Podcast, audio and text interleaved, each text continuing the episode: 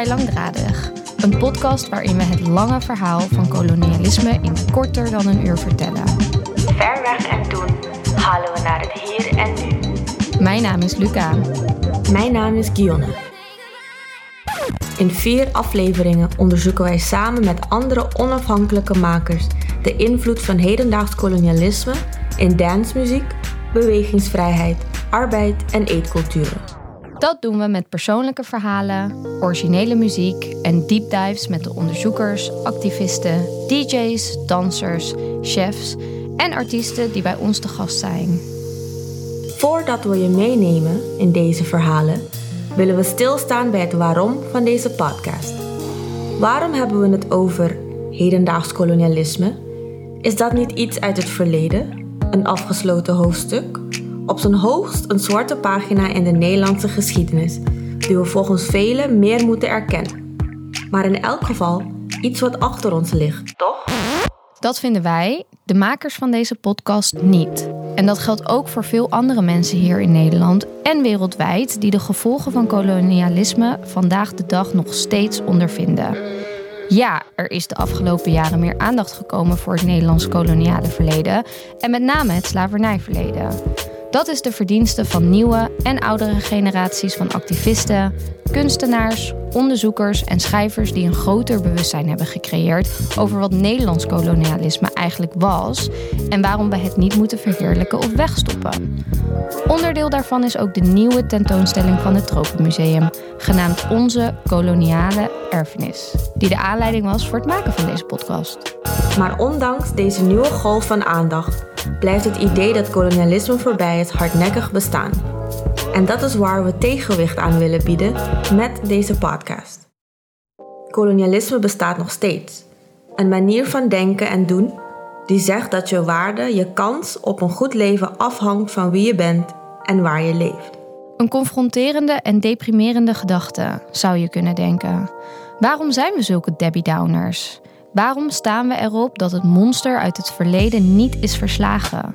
Leven we nu niet in een wereld waarin je zelf je kansen bepaalt? Wie je ook bent, hoe je er ook uitziet, zolang je maar hard werkt, horen de meeste van ons van kinds af aan. Dan kom je er wel. Het tegendeel merken veel van ons. In onze eigen levens, in onze eigen families, op school, in de buurten waar we wonen en op het werk is er bewijs dat de wereld op een heel andere manier georganiseerd lijkt te zijn. Respect en zorg zijn ongelijk verdeeld. En waarom zou je waarde eigenlijk af moeten hangen van hoe hard je kan werken? Wat heeft kolonialisme hiermee te maken? Het is een langdradig verhaal, maar in het kort zit het zo. Zit je lekker? Hier gaan we dan. Wat is kolonialisme en waarom is het nog niet voorbij? Europese landen zoals Nederland hebben door hun koloniale overheersing van andere landen de wereld in ongeveer 500 jaar tijd economisch, ecologisch, cultureel en politiek compleet veranderd. Door de concurrentie met elkaar aan te gaan voor winst en macht hebben ze een wereldwijd systeem gecreëerd dat gericht is op roof, verwoesting en uitbuiting. Wat was de buit van deze gruwelijke mondiale strijd?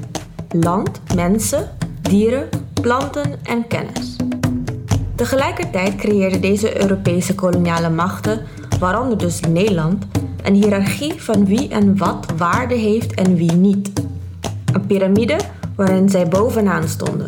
Planten, dieren en land zijn in deze rangorde ondergeschikt aan mensen en bestaan alleen om menselijke behoeftes te vervullen. Om het uitmoorden, uitbuiten en veroveren van inheemse mensen over de hele wereld te rechtvaardigen, ontwikkelden Europeanen daarnaast ook een rangorde van menselijkheid. Eerst op basis van religieuze argumenten. Ze zijn niet christelijk zoals wij, dus ze hebben geen ziel. En daarna op basis van zogenaamde wetenschap. Denk aan de eerste antropologen die op basis van lichamelijke en culturele verschillen het idee van verschillende menselijke rassen creëerden. Even tussendoor, deze voorlopers van de antropologie waren overigens ook de grondleggers van musea, zoals het Tropenmuseum. Het zogenaamde witte ras en met name witte mannen stonden in die menselijke hiërarchie bovenaan, gevolgd door witte vrouwen die de puurheid van het witte ras representeerden en daarna de rest van de mensheid. Een obsessie met de ideale mens ontstond. Een mensbeeld gebaseerd op hiërarchische tweedelingen. De ene wit, de andere niet. Man en vrouw, rationeel en emotioneel, sterk en zwak, beschaafd en wild, bezitter en bezit. Europese koloniale machten creëerden zo een wereld op basis van mannelijke superioriteit en de ondergeschiktheid van vrouwen, raciale puurheid versus gemixt of dubbelbloed zijn, het wegwissen en demoniseren van alle andere genders en relaties die niet heteronormatief zijn, en het maken van mensen tot koopbaar of goedkope arbeidskracht. Samenlevingen waarin mannelijke dominantie centraal staat, zijn niet uniek in de geschiedenis. Nog is het tot slaaf maken of koloniseren van de ene bevolkingsgroep door de andere.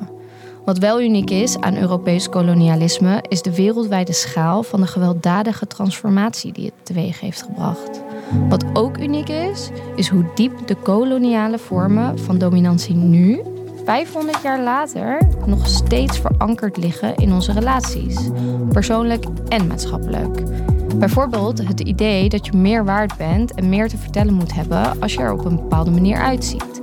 En dat je slimmer, sexier, bekwamer en rationeler bent. Dat is een soort virale programmering die de eeuwen heeft doorstaan en nog steeds springlevend is. We merken het nog steeds aan hoe de kansen voor gezondheid, comfort, bewegingsvrijheid, geld en welzijn over de wereld en ook binnen Nederland en haar oud-koloniën zijn verdeeld. Een grimmig koloniaal algoritme, if you will, dat we niet kunnen negeren als we het willen veranderen. Hoewel de meest oud-koloniën officieel onafhankelijkheid hebben bereikt in de jaren 60, betekent dat niet dat de dominantie van Europese landen voorbij is en er gelijkwaardigheid is tussen oud-kolonisatoren en oud-koloniën. De wereldeconomie en politieke machtsverdeling ziet er nog steeds zo uit als in het officiële koloniale tijdperk voor de jaren 60. De grenzen die door koloniale machten zijn getekend op hun kaarten verdelen nog steeds inheemse mensen over verschillende landen en veroorzaken gedwongen migratie en conflicten. De mijnen, fabrieken, sweatshops, toxic wastelands en afvalhopen van de wereld zitten nog steeds op de plekken waar arme, voornamelijk inheemse mensen en mensen van kleur wonen.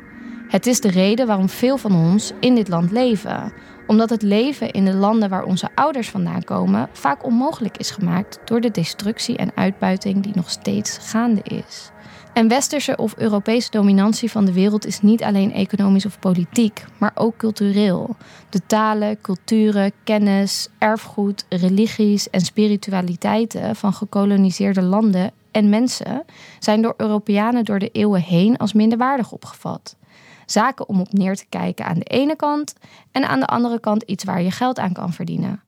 Hoeveel van ons zijn vandaag de dag niet bezig met het decoloniseren van de geest, zodat we de negatieve stereotypen over ons eigen verschil of het verschil van een ander gewoon kunnen accepteren of vieren in plaats van haten? Oké, dat was kolonialisme in super vogelvlucht. Hopelijk is nu ook duidelijk dat het helemaal nog niet voorbij is en hoe het nog zichtbaar is in het hier en nu. Dan zijn er nog twee belangrijke vragen waar we bij stil willen staan. Wat betekent kolonialisme vanuit een inheems perspectief? Inheemse mensen over de hele wereld, de originele bewoners van gekoloniseerde gebieden, voelen de grootste negatieve impact van kolonialisme. En wat is dekolonisatie dan? Daar gaat Chihiro, een van de podcastmakers, ons meer over vertellen. Zij is een multidisciplinair organizer en trainer en is Nederlands en Quechua. Een inheemse bevolkingsgroep die in het huidige Peru, Bolivia, Ecuador, Chile, Colombia en Argentinië leeft. Het is een van de vele bevolkingsgroepen die door de koloniale grenzen van natiestaten is opgesplitst en wiens levenwijze en cultuur bedreigd wordt. Kolonialisme vanuit een inheems perspectief. Vijf dingen waar we bij moeten stilstaan als we kolonialisme bespreken. 1.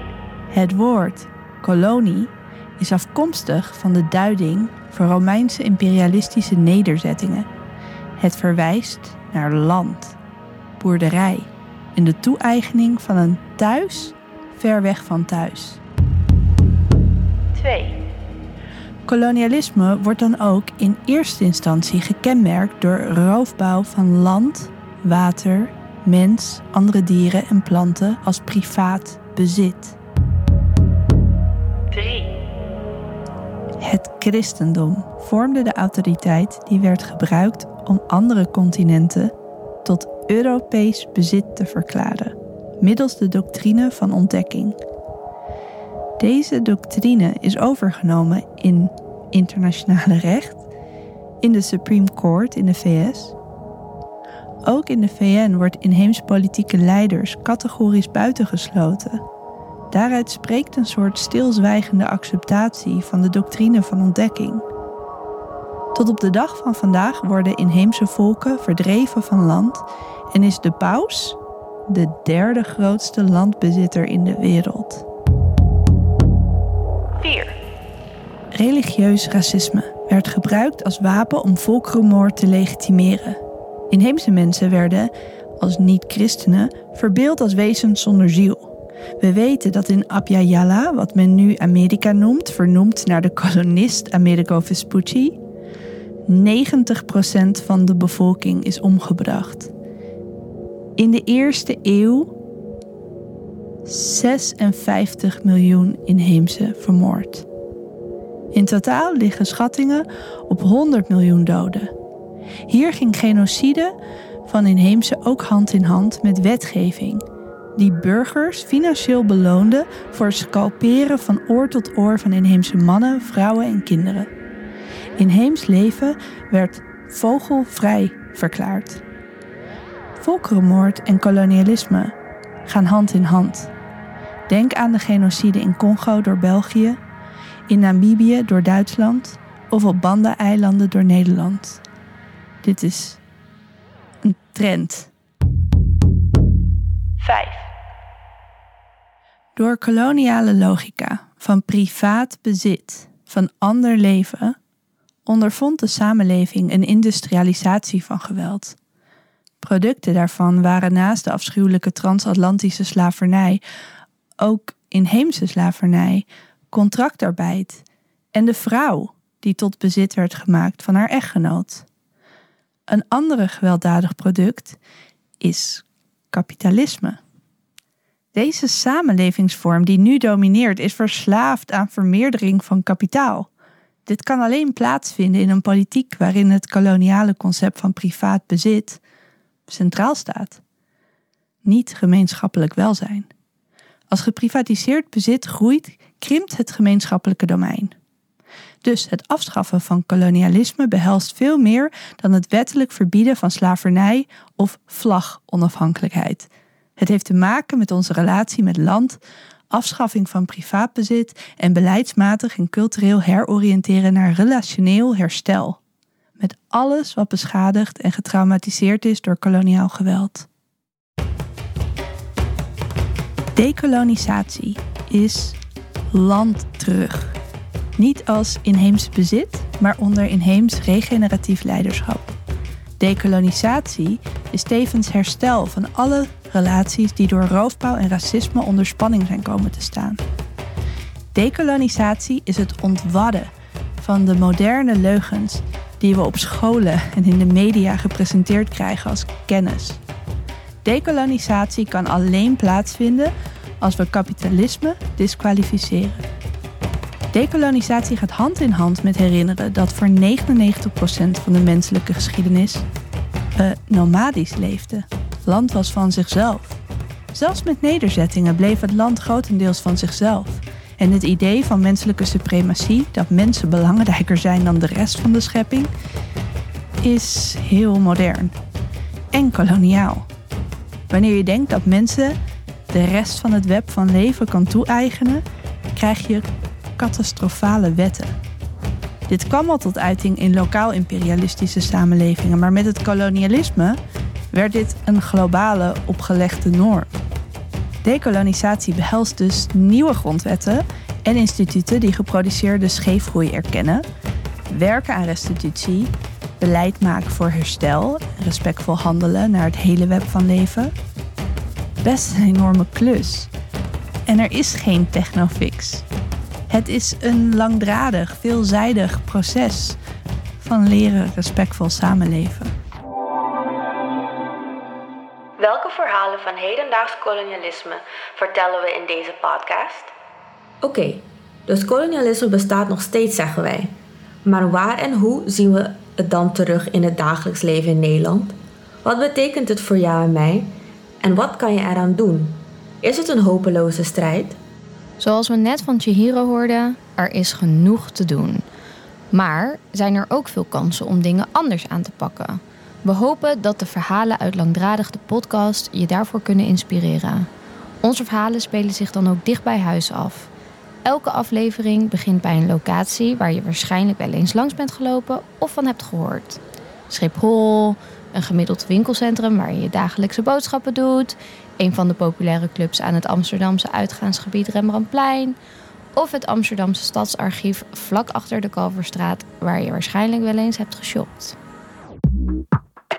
Nathan Kofi, muziekwetenschapper, DJ, producer en docent, onderzoekt de manier waarop dancemuziek is getransformeerd van een muziekvorm en subcultuur voor en door queer mensen van kleur naar een muziekindustrie waar vooral een wit, hetero publiek en makers van profiteren. Hoe is dat gebeurd en net zo belangrijk, hoe maken queer mensen van kleur alsnog ruimte voor zichzelf in de dance scene?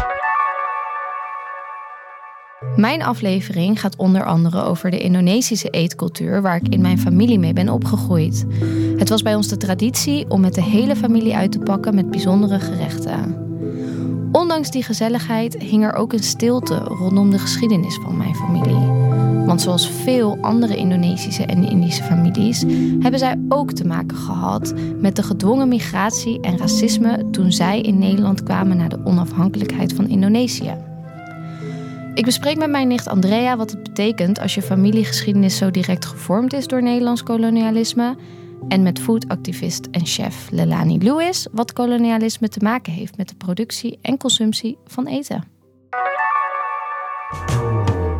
Chihiro Geuzenbroek, multidisciplinair organizer en trainer, heeft het over bewegingsvrijheid en wie dat wel en niet heeft in een wereld die nog steeds door gewelddadige koloniale grenzen is verdeeld.